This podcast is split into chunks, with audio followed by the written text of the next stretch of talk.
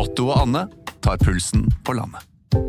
Ja, det gjør vi. Jeg heter Otto Jespersen, og hva var det du het igjen? Jeg heter Anne Grosvold, og hver uke har vi med oss en interessant gjest. Det har vi. Otto og Anne tar pulsen på landet, hører du der du hører podkast. En podkast fra Podplay.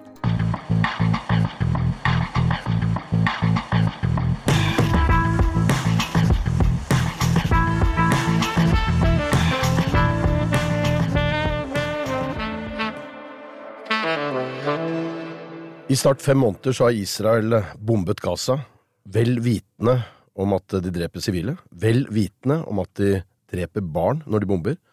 Over 30 000 er drept, i all hovedsak sivile. Erik Fosse, velkommen hjem. Du har vært i Gaza i fire uker. Hvordan eh, var det?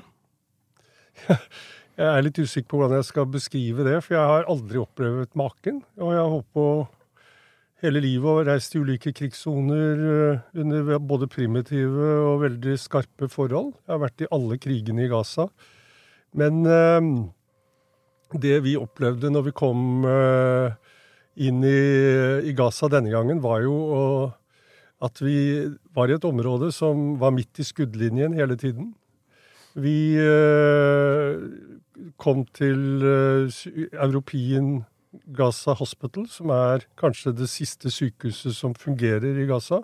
Det ligger uh, utenfor Kanjonis? Ja, det ligger rett øst for Kanjonis. Som er den mellomste av midterste av de tre store ja, byene. Men det er egentlig veldig kort. Det er altså åtte minutter å kjøre Det er fire kilometer å kjøre fra dette sykehuset og til grensen. Så det er veldig korte avstander uh, i sør i Gaza. Så mellom Kanjonis og Rafa er det Du ser nesten ikke at du går mellom to byer. Det, og det er jo et veldig tett befolket område i utgangspunktet. Nå er det jo folk overalt. For nå har jo uh, ja, i hvert fall halvannen million mennesker uh, flyktet ned der og bor i telt, så det er mennesker overalt.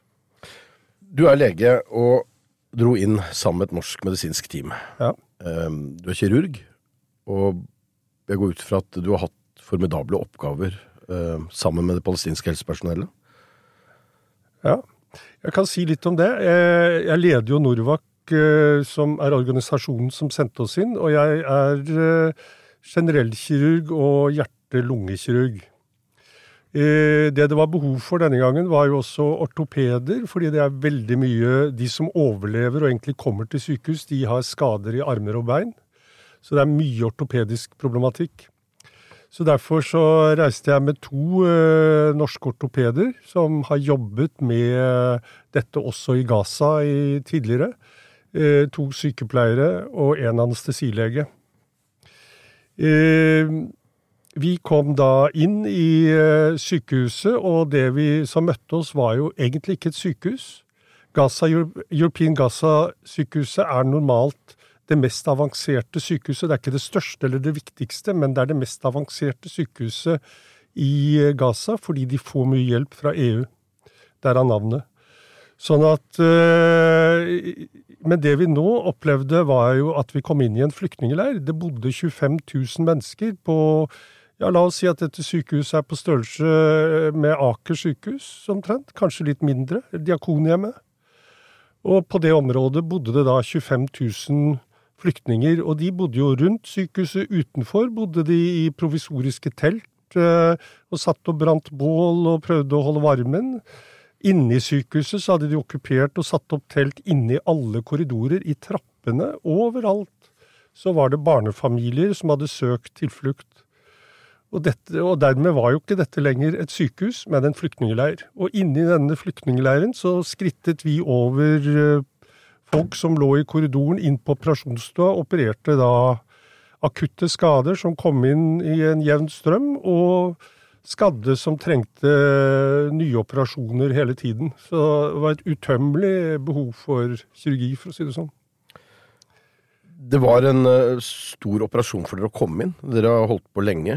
og Fortell litt om det. Ja, Norvak, vi har, vi har jo jobbet i Gaza i, i hvert fall 30 år samarbeidet tett med helsemyndighetene både på Vestbredden og i Gaza. Og i Gaza har vi jo arbeidet med å bygge opp spesialisthelsetjenestene og også de ortopediske tjenestene. Så eh, da dette startet, så skjønte jo vi hva som kom til å skje, og vi hadde ja, lørdagen etter at eh, Hamas' angrep skjedde, så hadde vi kontakt med Utenriksdepartementet, som sa de kom til å støtte kriseteam fra oss.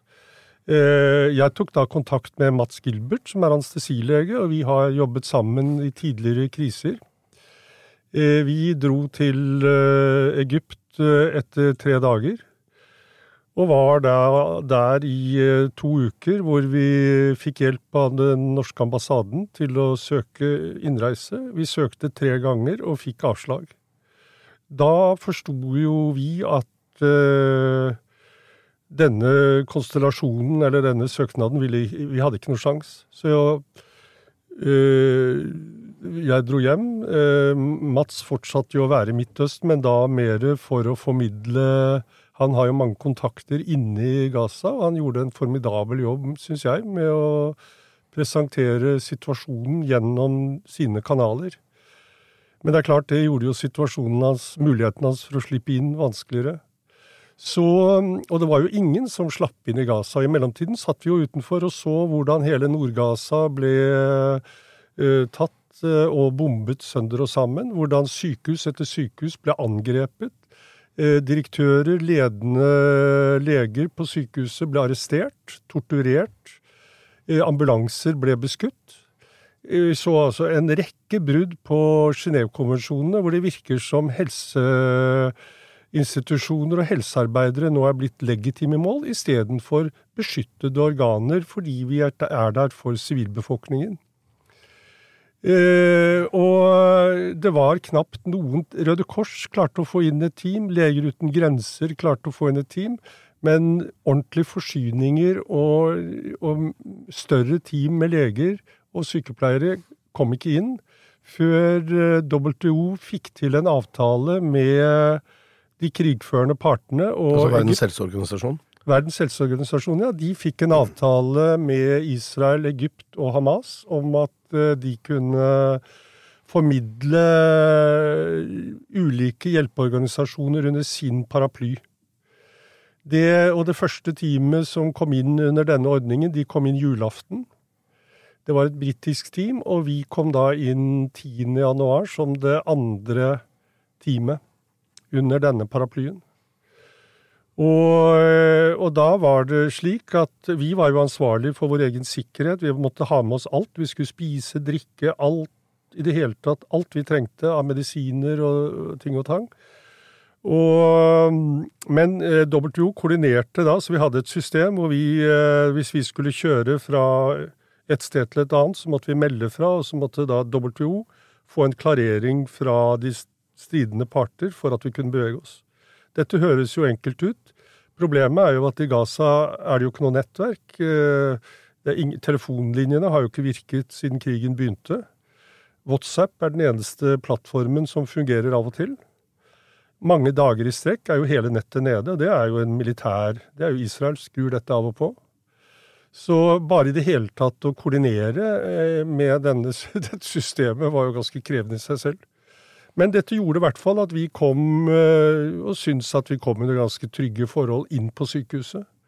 Men vi skjønte jo da at vi hadde kjørt tvers igjennom en skuddlinje. Det var kamper rundt sykehuset, og noen dager etter at vi kom inn, så startet de jo angrepet på Kanjonis. Og da ligger altså dette sykehuset midt i den fremrykkingslinjen. Så da kjørte de jo forbi oss med tanks og øh, armerte kjøretøy og, og skjøt noe voldsomt. Og vi hørte også kamphandlinger, altså vi hørte maskingeværild fra begge parter, det var åpenbart at det var strid rundt sykehuset. Eh, Så du kan si at den ordningen fungerte. Og for to uker siden så fikk de inn en rekke andre team eh, fra flere amerikanske hjelpeorganisasjoner, og også enkelte andre europeiske organisasjoner kom inn. Eh, Så da fikk vi jo inn mye mer personale. Men vi manglet jo alt av utstyr. Og det kan jeg også si at et sykehus er eh, Altså, sykehusene i Gaza er som sykehusene i Norge. Det er organisasjoner med mange nivåer av tekni tekniske installasjoner, eh, lager av medisiner, utstyr som skal steriliseres. Eh, så det er egentlig et system. Og problemet når du er midt i en krigssone, det er jo at alt det personalet som, bor, som jobber på sykehuset, de bor jo i denne krigssonen. Så de kommer jo ikke på jobb. Så eh, det vi opplevde etter hvert, var jo at eh, det knapt var det faste personalet i sykehuset.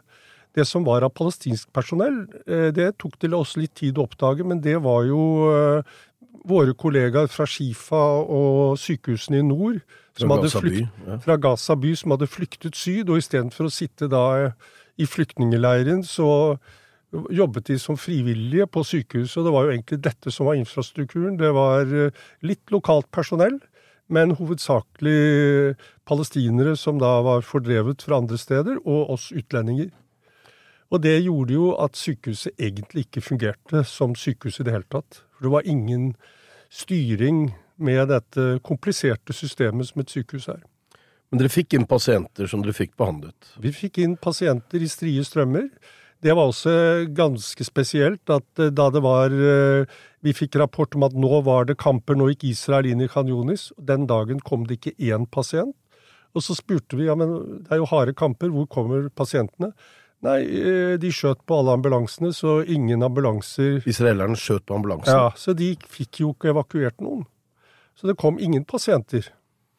Og da døde de vel antagelig der og da.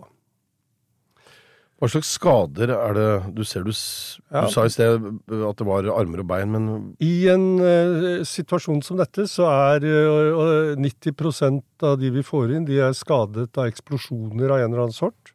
De har vært i nærheten når det eksploderer en, enten en flybombe, en rakett eller et artillerigranat.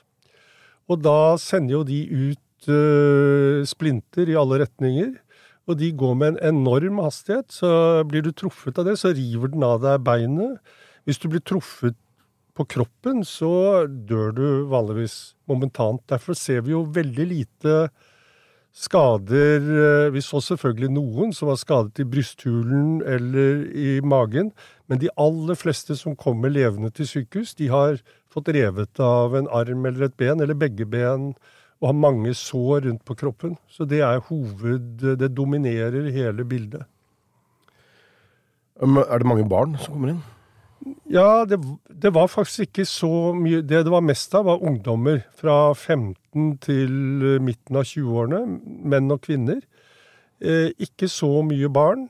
Antagelig hadde barnefamiliene evakuert, eh, for de visste jo hva som kom. Så jeg ble jo litt overrasket over at det ikke var så mange barn. Det kan jo også være at barna dør. At de, for å si, det er mye det er mye energi i disse splintene, så hvis det er et lite barn, så antagelig så dør de momentant. Men eh, vi fikk selvfølgelig noen barn òg, men eh, mest de som er litt eldre, da, i tenårene. Er det noen av disse skadene du har sett, og noen av de eh, pasientene du har behandlet, som har gjort spesielt inntrykk på deg?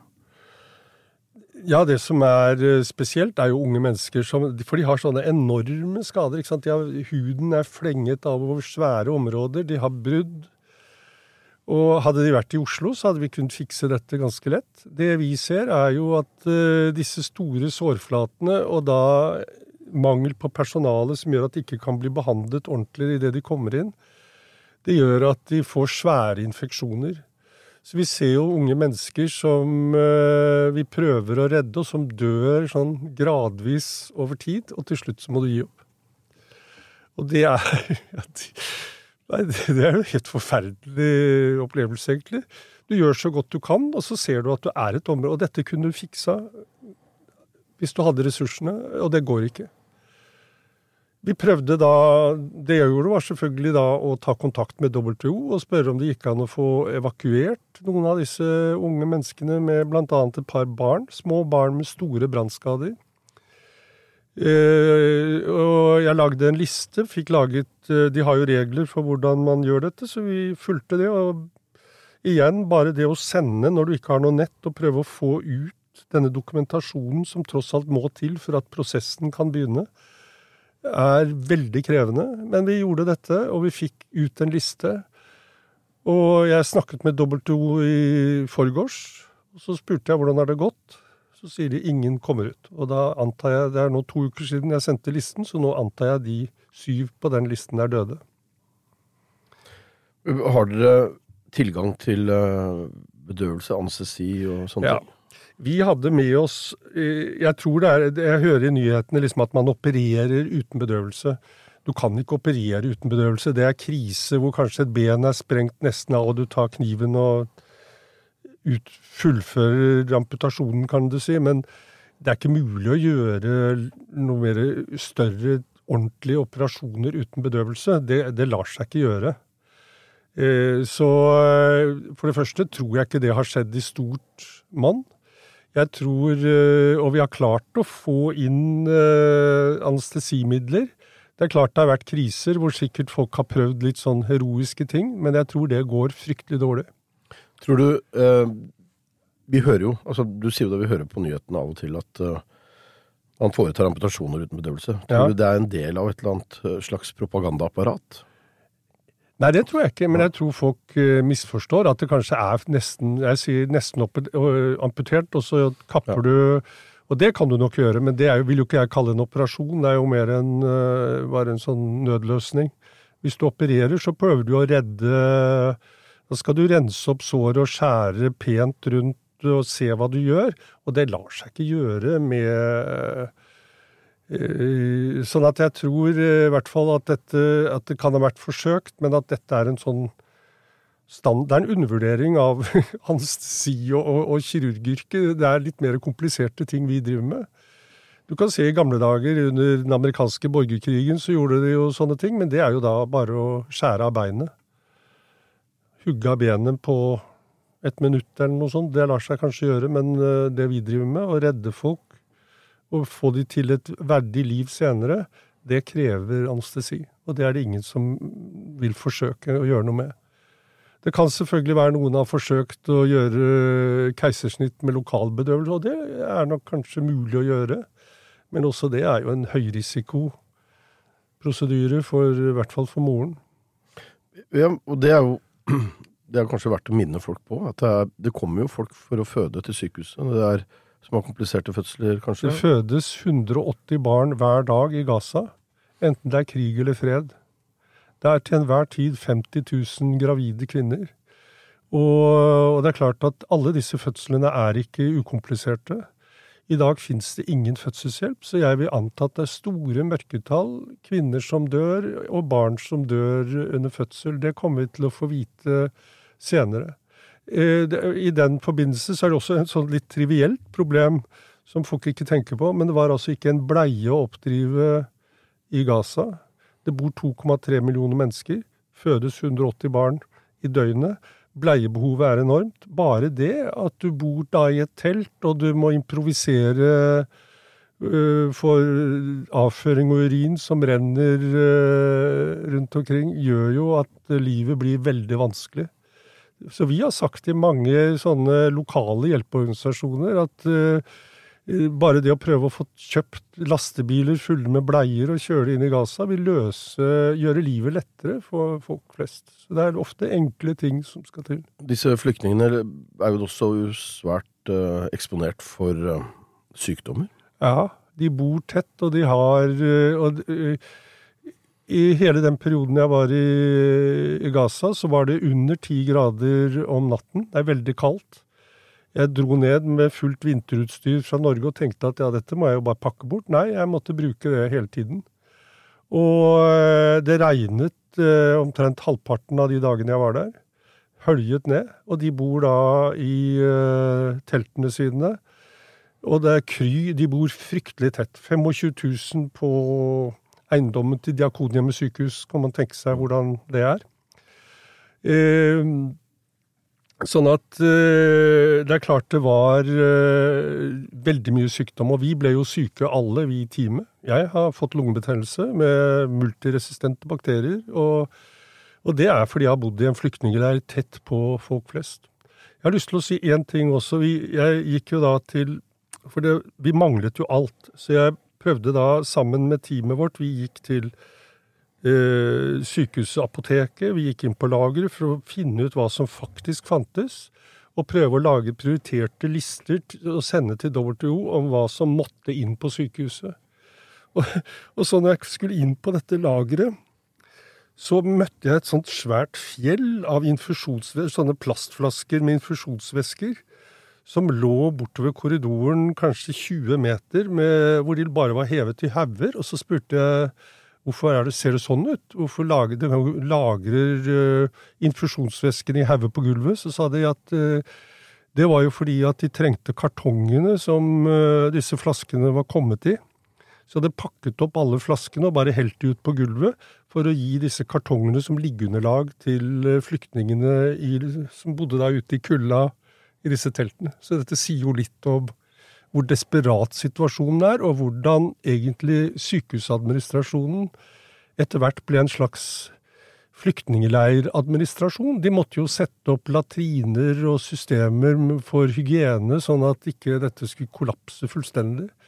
Jeg var ganske imponert over hvor tett vi bodde, og hvor det luktet ikke vondt. Det var ikke søppel. Så de hadde jo en veldig orden på denne fullstendige krisen. Så du andre typer skader denne gangen enn du har gjort ved tidligere kriger i Gaza? Nei, det vil jeg ikke si. Jeg syns dette er det, Skadene ser nokså likt ut. Det er store brannskader.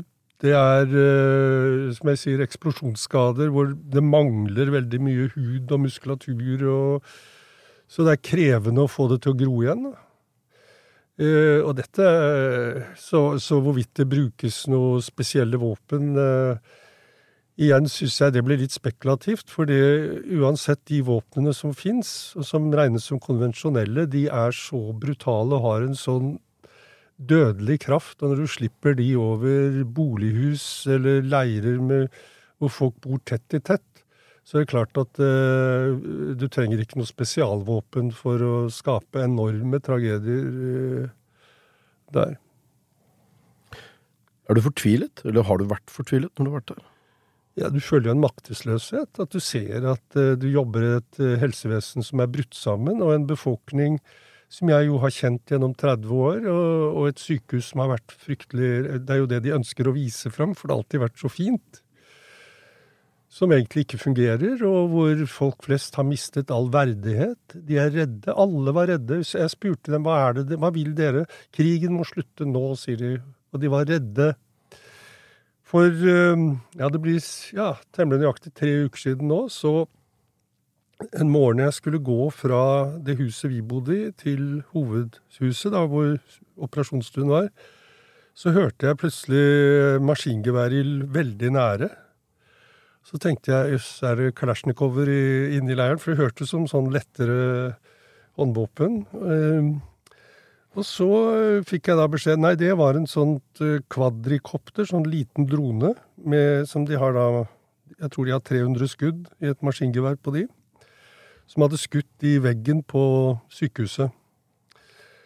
Og, så de hadde jo ikke prøvd å treffe noen, men de hadde jo da fløyet ned og skutt rett i veggen over hodet på alle flyktningene. Og den natten så bombet de også heftig rundt sykehuset, så dette var jo et signal.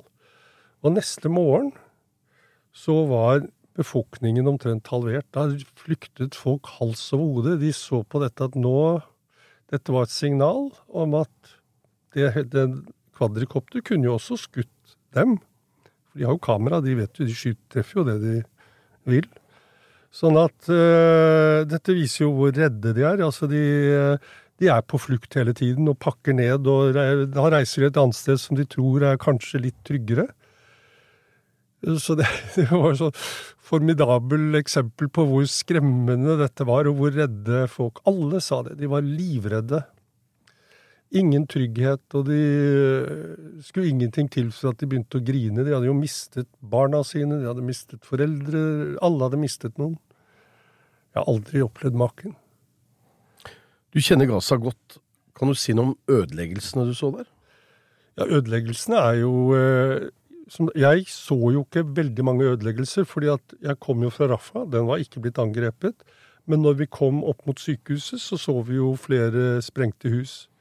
Og hvis du ser på ødeleggelsene i eh, Gaza som helhet, så er jo nå ca. 60% av alle bolighus ødelagt, og de regner med at ytterligere 20 er, er skadet.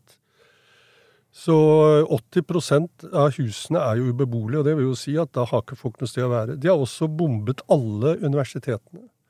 Vi snakket med flere, vi jobbet jo med mange medisinerstudenter som hadde stilt opp på sykehuset også da, for å være med. Og, eh, og de lurte jo på hva de skulle gjøre når krigen var slutt, for eh, universitetene de gikk på, var jo borte.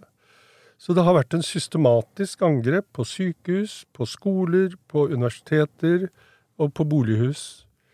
Og hvordan dette samfunnet skal komme tilbake igjen til den, eh, jeg vil si, lange og flotte Gaza-kulturen. Dette er jo en, en av de eldste kulturene vi kjenner, tross alt. Og det merker du jo når du snakker med dem. Det er jo folk med en verdighet og en historikk som vi bare kan drømme om i vår del av verden. Og det samfunnet er nå lagt fullstendig i grus. Så det er klart at jeg blir ganske deppa og lei meg over det. Hvordan har du det nå? Nei, jeg er veldig lei meg, og jeg syns dette er håpløst. Og jeg syns det er tragisk at ikke dette kan stoppe umiddelbart. At hele verden kan sitte maktesløse og se på at et, et helt samfunn går til grunne på denne måten, og masse uskyldige mennesker blir eh, fratatt all menneskelighet, alt menneskeverd, og alt de er glad i. Og jeg, jeg er også redd for at eh, eh, dette er jo i hvert fall ingen løsning på det som skjer. Det er, jeg kan jo ikke tenke meg at dette øker, bedrer miljøet for forsoning i fremtiden. Så jeg er veldig, eh, jeg er veldig redd for det som skal skje, og jeg er veldig lei meg. Hva tror du Israel oppnår med dette? Bortsett fra å, å drepe og lemleste folk og skremme dem. Det er veldig vanskelig å vite hva de eh, kan Altså, angrepet er jo en respons på kidnappingen eh, som Hamas utførte, og uh, eh, hvor hensiktsmessig det er å teppebombe Kanskje å ikke gå i mer forhandlinger enn de har gjort, det syns jeg er vanskelig å forstå. Eh, Det er vanskelig å vite hva Israel egentlig har som langsiktige perspektiver. Jeg tror kanskje at det er ulike visjoner for det i den israelske regjeringen. Eh, mange spekulerer jo i at eh, man ønsker å fordrive palestinere inn i Egypt. Eh, og enkelte i regjeringen, den israelske regjeringen, har jo sagt at det ønsker de. Hva som kommer til å skje, er eh, på den annen side høyst uklart, syns jeg. Vi kommer i hvert fall øh, Vi har jo planer selvfølgelig for å bygge opp igjen. Sånn som det er nå, så gjelder jo fortsatt Oslo-avtalen, og det er helseministeriet og palestinske myndigheter som er øh, ansvarlig for det sivile samfunnet. Og enten det blir en israelsk militært militær tilstedeværelse eller ikke, så så er jo Med mindre man kommer fram til helt andre løsninger, så ser vi det i hvert fall at eh, vi skal være med å bygge opp igjen eh, Gaza sammen med palestinske myndigheter. Jeg må si det, Erik. Jeg har vært der noen ganger, jeg også, og jeg møtte deg der. Og jeg må jo Det jeg syns er kanskje mest fortvilende, det er jo å se hvordan Gaza på en måte har blomstret, blitt bygd opp fra Ja. uh, de siste 30 årene hvor Ja. vi altså har jobbet der nede. Og så blir det lagt, altså Ja. bombet. Om igjen og om igjen. Og bygd opp igjen og bombet. Ja. Har jo, vi har jo flere ansatte der. Blant annet har vi en fast sjåfør som har jobbet for oss i mange år, eh, Ashraf, som bor i Beit Hanon. Og han eh, Og det er jo midt i den faste, en av de faste innmarsjområdene for den israelske hæren. Så han har eh, nå to ganger gjenopp, Han har fått huset ødelagt tre ganger og gjenoppbygget det to ganger. Og vi har jo hjulpet han, og jeg har sett hvordan han har bygd opp igjen. Han kjører altså en taxi som delvis jobber for oss, og delvis for andre. Og med den bilen så forsørger han en storfamilie på 50 mennesker. Ingen av brødrene hans har jobb, ikke foreldrene hans. Og alle har jo barn. Så han har altså én bil, og den, med det han får inn på den bilen, så har han da gjenoppbygget dette huset, som da en ser ut som en leiegård, ikke sant? for det er jo leiligheter til alle brødrene og deres familie, i tillegg til han selv. Og det er nå ødelagt eh, på nytt. Eh, og jeg møtte han kom jo, når han hørte at jeg var der, så kom han jo på sykehuset, og, og jeg spurte liksom hvordan skal dette gå. Da sier han bare nei, nå ja, skal du bygge opp igjen, spurte jeg da. Han bare rister på hodet og begynner å grine, og vet ikke hva han skal gjøre. Han er jo heldig, for vi betaler selvfølgelig lønnen hans. Det kommer vi til å Alle våre ansatte må vi jo selvfølgelig bare fortsette å lønne. Det er det eneste de kan leve av. Men øh, jeg, jeg fikk vel en følelse av at å bygge opp dette huset enda en gang i øyeblikket fortonet seg som helt umulig. Og det er jo trist. Det er mennesker du har kjent gjennom mange år, som du ser hvordan de hvor flinke, hvordan de har tatt liksom brettet opp ermene og fått kommet tilbake igjen og fått en verdighet, og, og så bare boms, er det borte igjen. Det er, det er helt ubeskrivelig. Mm. Virkelig. Dette med frykten som folk føler på når, når det bombes, frykten for å bli rammet, ja. og familien skal rammes, er det noe du kjenner på selv også, når du er der? Altså, eller i møte med mennesker? Du kan ikke Altså, man kan ikke tenke på det, for du hører den bakgrunnen hele Du blir vant til det. Og hvis du begynner å tenke på Jeg har jo snakket med en del som er blitt bombet, så sier de at det du må huske på, er at hvis du blir truffet av en bombe, så hører du det jo ikke. Mm. For den eksploderer jo før lyden kommer. Så Det verste er bombene du ikke hører? altså. Det er de, det du ikke hører, for hvis du hører det, så har de allerede eksplodert. Mm. Noen brøkdeler av noen sekunder tidligere. Så eh, det Det er jo eh, Det vet man aldri hvordan man vil eh, reagere på. For det er klart at vi er jo, Vi er jo innesperret i et sykehus. Vi vet at hvis vi går utenfor det sykehuset, så er det livsfarlig. Så du blir sperret inne, og det bomber og det rister. De fløy over oss for to uker siden. Ja, akkurat to uker siden i dag så fløy de over huset vårt og avleverte en såkalt sonic bomb. Det vil jo si at de går ned, og så går de gjennom lydmuren. Så Det var sikkert også for å skremme de som bodde på sykehuset. Og da ramler jo himlingen ned. Dodøra på det, det, det rommet vi bodde, hoppet av hengslene. Så det er jo ganske kraftige krefter bare i en sånn uh, at de går gjennom lydmuren. Ja, jeg har selv vært i Gaza når de har ja. gjort dette her, og det er jo forferdelig. Og, ja, og vi hadde pasienter som ble skadet, for vi fikk himlingen i hodet da. Så, det er skremmende. Ja, virkelig. Så det må man eh, Nei, det, du må liksom eh, Når du har vært der noen uh, uker, så, så venner du deg til det. For hvis du ikke gjør det, så kan du ikke være der. Det jeg har jo vært i krigen, og jeg hadde med dette teamet, da, som alle de hadde jo ikke vært i krigen før, så da sa jeg at det viktigste du må gjøre for å overleve i denne situasjonen, det er å alltid være laid back. Du må gå ett skritt tilbake, og så må du bare lene deg tilbake når du syns dette virker farlig, eller du syns at ikke noe virker. Så må du ikke lene deg forover for å prøve å fikse det, men du må lene deg tilbake og trekke tenke pusten, gjennom det, trekke pusten, og så tenke at nei, nå skal jeg jobbe videre. Nå er det bare å fortsette. Jeg har møtt deg i både Libanon og i Gaza flere ganger. Mm. Gang på gang så reiser du ut, og inn til disse livsfarlige områdene. Ja. Du har jo en misjon med det du gjør, som er åpenbar. ikke sant? Du, du, du gjør nytte for deg der. Men hva er det som gjør at du gjør dette? Ja, det er tosidig, da. Men det ene er jo, tenker jeg Jeg er jo tross alt utdannet lege, og jeg ble jo lege for jeg, for jeg har lyst til å hjelpe mennesker. Jeg elsker pasientkontakt, og jeg er kirurg, og jeg liker å Og da kan du jo redde liv. Jeg er i en del av kirurgien som handler om det i veldig stor grad. Å stoppe blødninger og få folk til å puste og hjertet til å slå. Sånn at øh, det er jo i hvert fall veldig meningsfylt å være på et sted som øh, Gaza nå. Nå er jeg jo pensjonist og opererer jo ikke så mye i Norge. Men dette er jo, når du kommer ned der, så er det jo nokså enkel kirurgi. Og du merker jo at den, det jeg kan gjøre jeg, er jo ikke så betydningsfull noe annet sted som jeg er akkurat der. Det andre er jo at jeg var i Libanon første gang i helseteam i 1979. Da kjente ikke jeg historien eh, så godt, og jeg vokste jo opp i Norge hvor eh, hele befolkningen egentlig så på Israel som en slags sosialistisk drømmestat, og vi hadde glemt palestinerne. Og jeg fikk jo øynene opp for eh, det når jeg var der første gang i 79, og siden Ja, da bestemte jeg meg også for at dette Her er det jo åpenbart begått en betydelig feil. Altså, man har glemt en hel befolkning.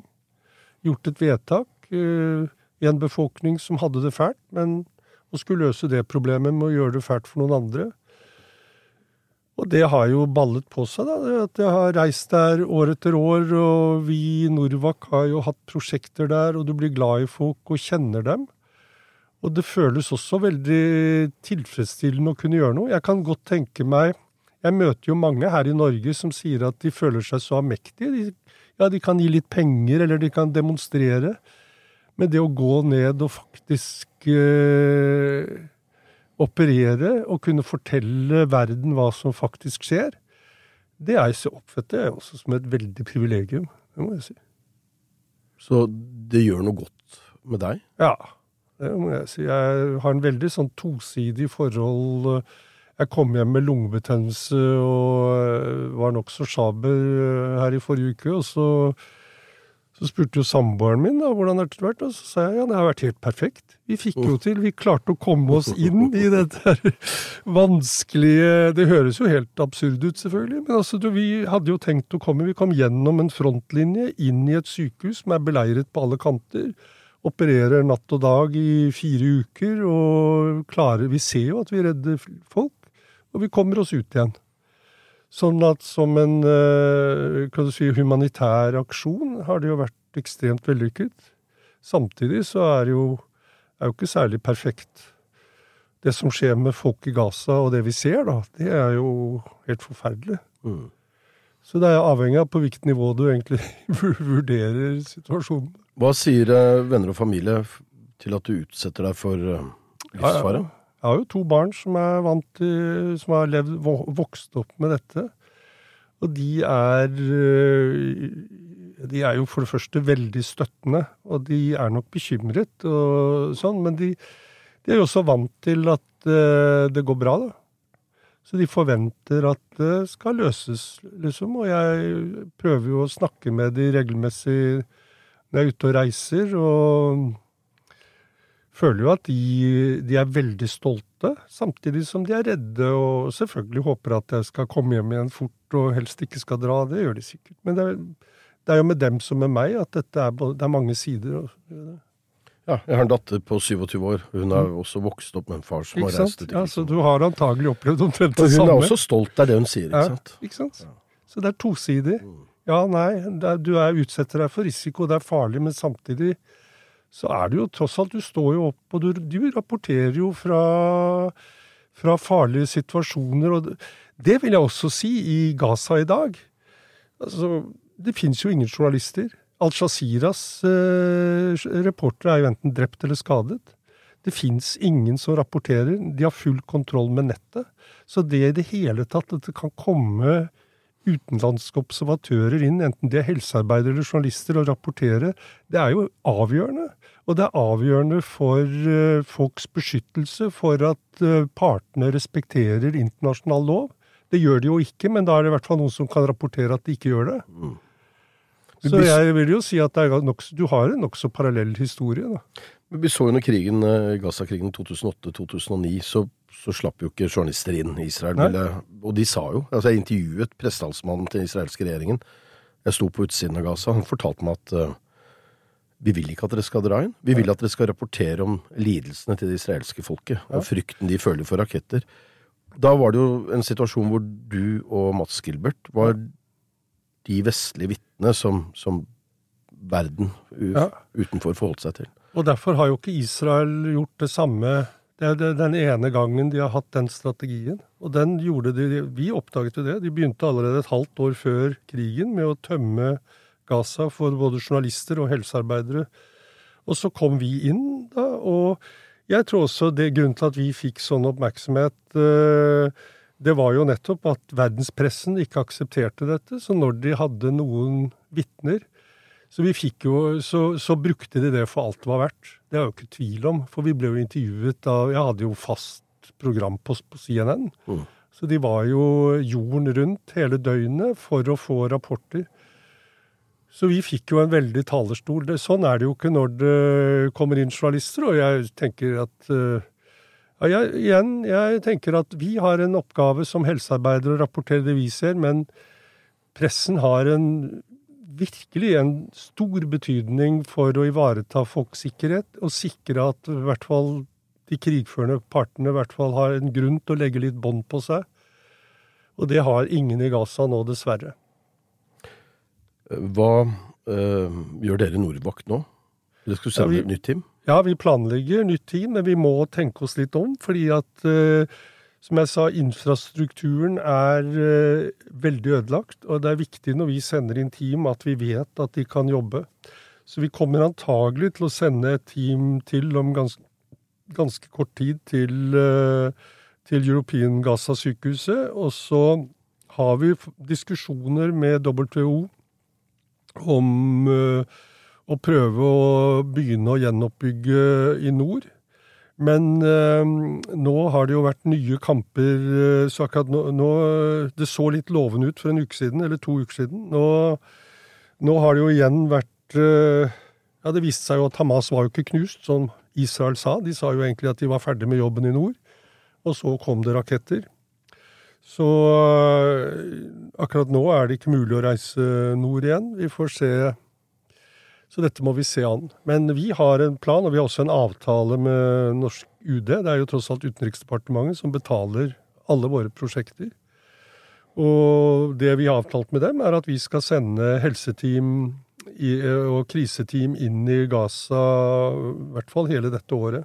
Og det kommer vi til å gjøre. Er du skuffet over at øh, verden ikke stanser dette? Ja. ja, det viser jo en maktesløshet som jeg syns er eh, Og det viser jo igjen hvor kynisk verden er, da, at eh, menneskeliv betyr egentlig veldig lite i et stort politisk spill.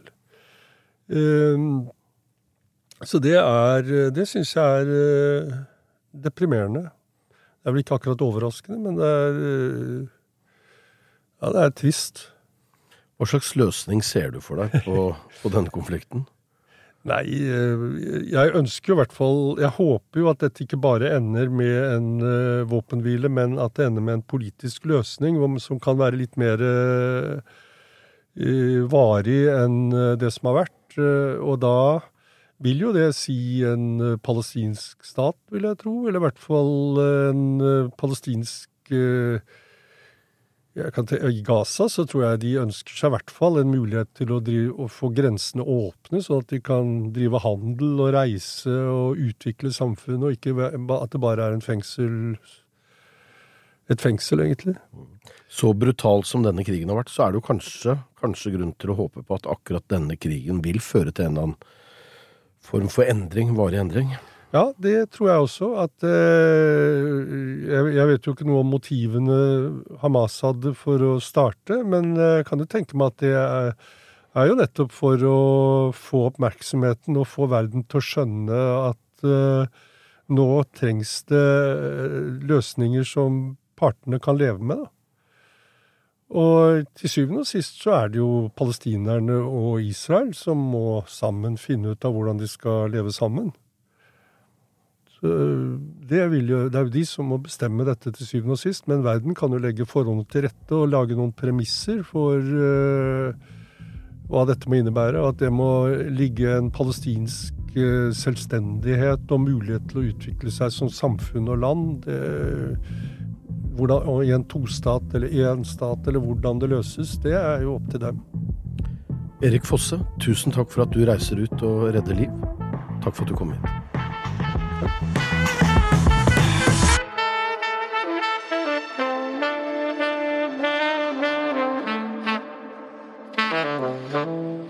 har hørt en podkast fra Podplay. En enklere måte å høre podkast på. Last ned appen Podplay, eller se podplay.no.